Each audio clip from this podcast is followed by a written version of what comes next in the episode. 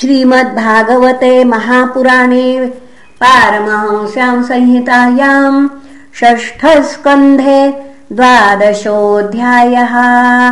ऋषिरुवाच एवं जिहासुरनृपदेहमाजौ मृत्युम् वरम् विजयान्मन्यमानः। शूलम् प्रगृह्याभ्यपतत् सुरेन्द्रम् यथा महापुरुषम् कैटभोप्सु ततो युगान्ताग्निकठोरजिह् मा विद्यशूलम् तरसा सुरेन्द्रः। क्षिप्त्वा महेन्द्राय विनद्य वीरो हतोऽसि पापेतिरुषा जगाद। ख आपतत्तद् विचलद्ग्रहोल्कवनिरीक्ष दुष्प्रेक्षमजातविक्लवः वज्रेण वज्रीशतपर्वणाच्छिनद् भुजम् च तस्योरगराजभोगम्। छिन्नैकबाहु परिघेण वृत्रः संरब्ध आसाद्य गृहीत वज्रम्। हनौत वज्रम् च हस्तान्यपतन्मघोनः। वृत्रस्य कर्मातिमहाद्भुतम् तत् सुरासुराश्चारणसिद्धसङ्घाः। अपूजयंस्तत्पुरुहूतसङ्कटम् निरीक्षहाहेति विचुक्रुशुर्वृशम् इन्द्रो न वज्रम् जगृहे विलज्जितश्च्युतम् स्वहस्तादरिसन्निधौ पुनः तमाहवृत्रो हर आत्तवज्रो जहि स्वशत्रुम् न विषादकालः।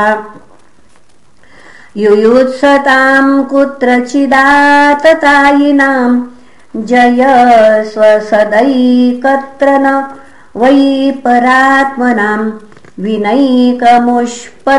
विनैकमुष्पत्तितलयस्थितीश्वरम् सर्वज्ञमाद्यम् पुरुषम् सनातनम्। लोकासपाला यस्ये मे श्वसन्ति विवशावशे। द्विजा इव शिचा बद्धा सकाल इव कारणम्। ओजसहो बलम् प्राणोममृतम् मृत्युमेव च तमज्ञायजनो हेतुमात्मानम् मन्यते जडम्। यथा दारुमयी नारी यथा यन्त्रमयो मृगः।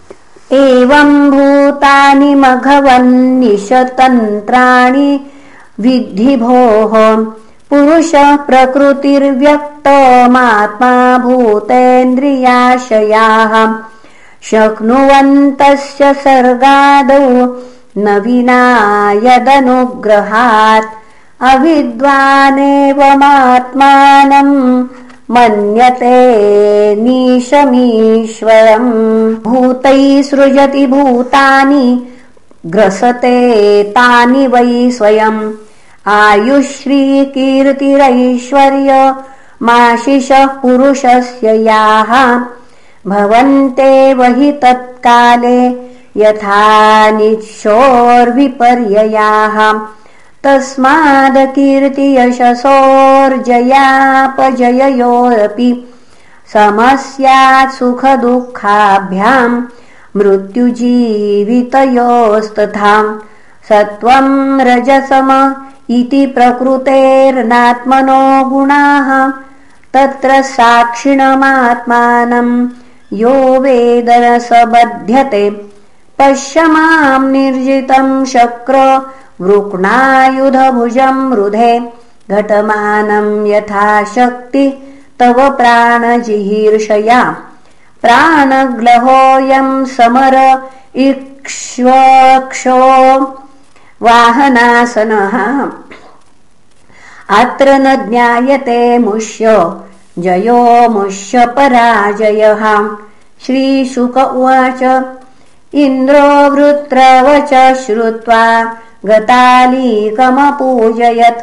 गृहीतवज्रप्रहसंस्तमाह गतविस्मयः इन्द्र उवाच अहो दानवसिद्धोऽसि यस्य ते मतिरीदृशि भक्तः सर्वात्मनात्मानम् सुहृदम् जगदीश्वरम् भवानतार्षिन्मायम् वै वैष्णवीम् जनमोहिनीम् यद्विहायासुरम् भावम् महापुरुषताम् गतः। खल्विदम् महदाश्चर्यम् यद्रजः प्रकृतेस्तव। वासुदेवे भगवति सत्त्वात्मनि दृढा मतिः यस्य भक्तिर्भगवति हरौ निःश्रेयसेश्वरे विक्रीडतो मृताम्भोधौ किं क्षूद्रैखातकोदकैः श्रीशुक उवाच इति ब्रुवाणावन्योन्यम् धर्मजिज्ञासया नृप युयुधाते महावीर्याविन्द्रवृत्तौ युधाम्पति आविध्यपरिघम् वृत्र कार्ष्णाय सम इन्दमः इन्द्राय प्राहिणोद्घोरम् वामहस्तेन मारिष। स तु वृत्रस्य परिघम् करम् च करभोपमम् चिच्छेदयुगपद्देवो वज्रेण शतपर्वणाम् दोर्भ्यामुत्कृत्तमूलाभ्याम् बभौ रक्तस्रवोऽसुरः छिन्नपक्षो यथा गोत्र खाद्भ्रष्टो वज्रिणाहतः।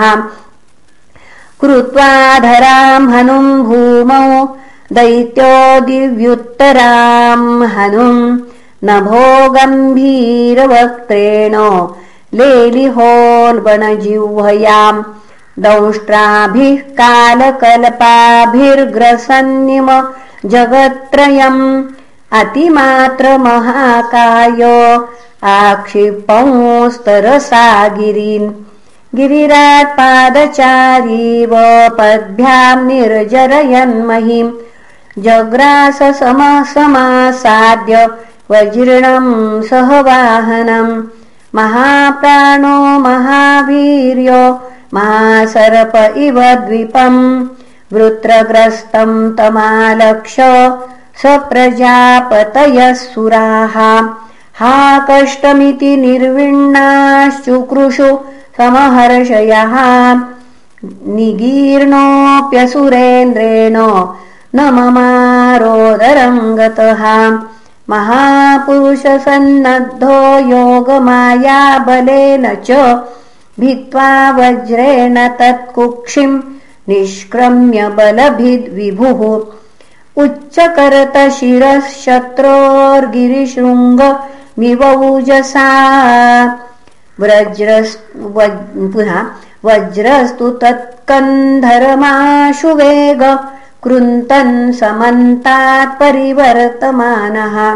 न्यपातयद्दात्तावदहर्गणेन यो ज्योतिषामयने वार्त्रहन्ते तदा च खेदुन्दुभयो विनो दुर्गन्धर्व सिद्धा समहर्षि सङ्घाः वार्तघ्नलिङ्गैस्तमभिष्टुवाना मन्त्रैर्मुदा कुसुमैरभ्यवर्षन् वृत्रस्य देहान्निष्क्रान्तो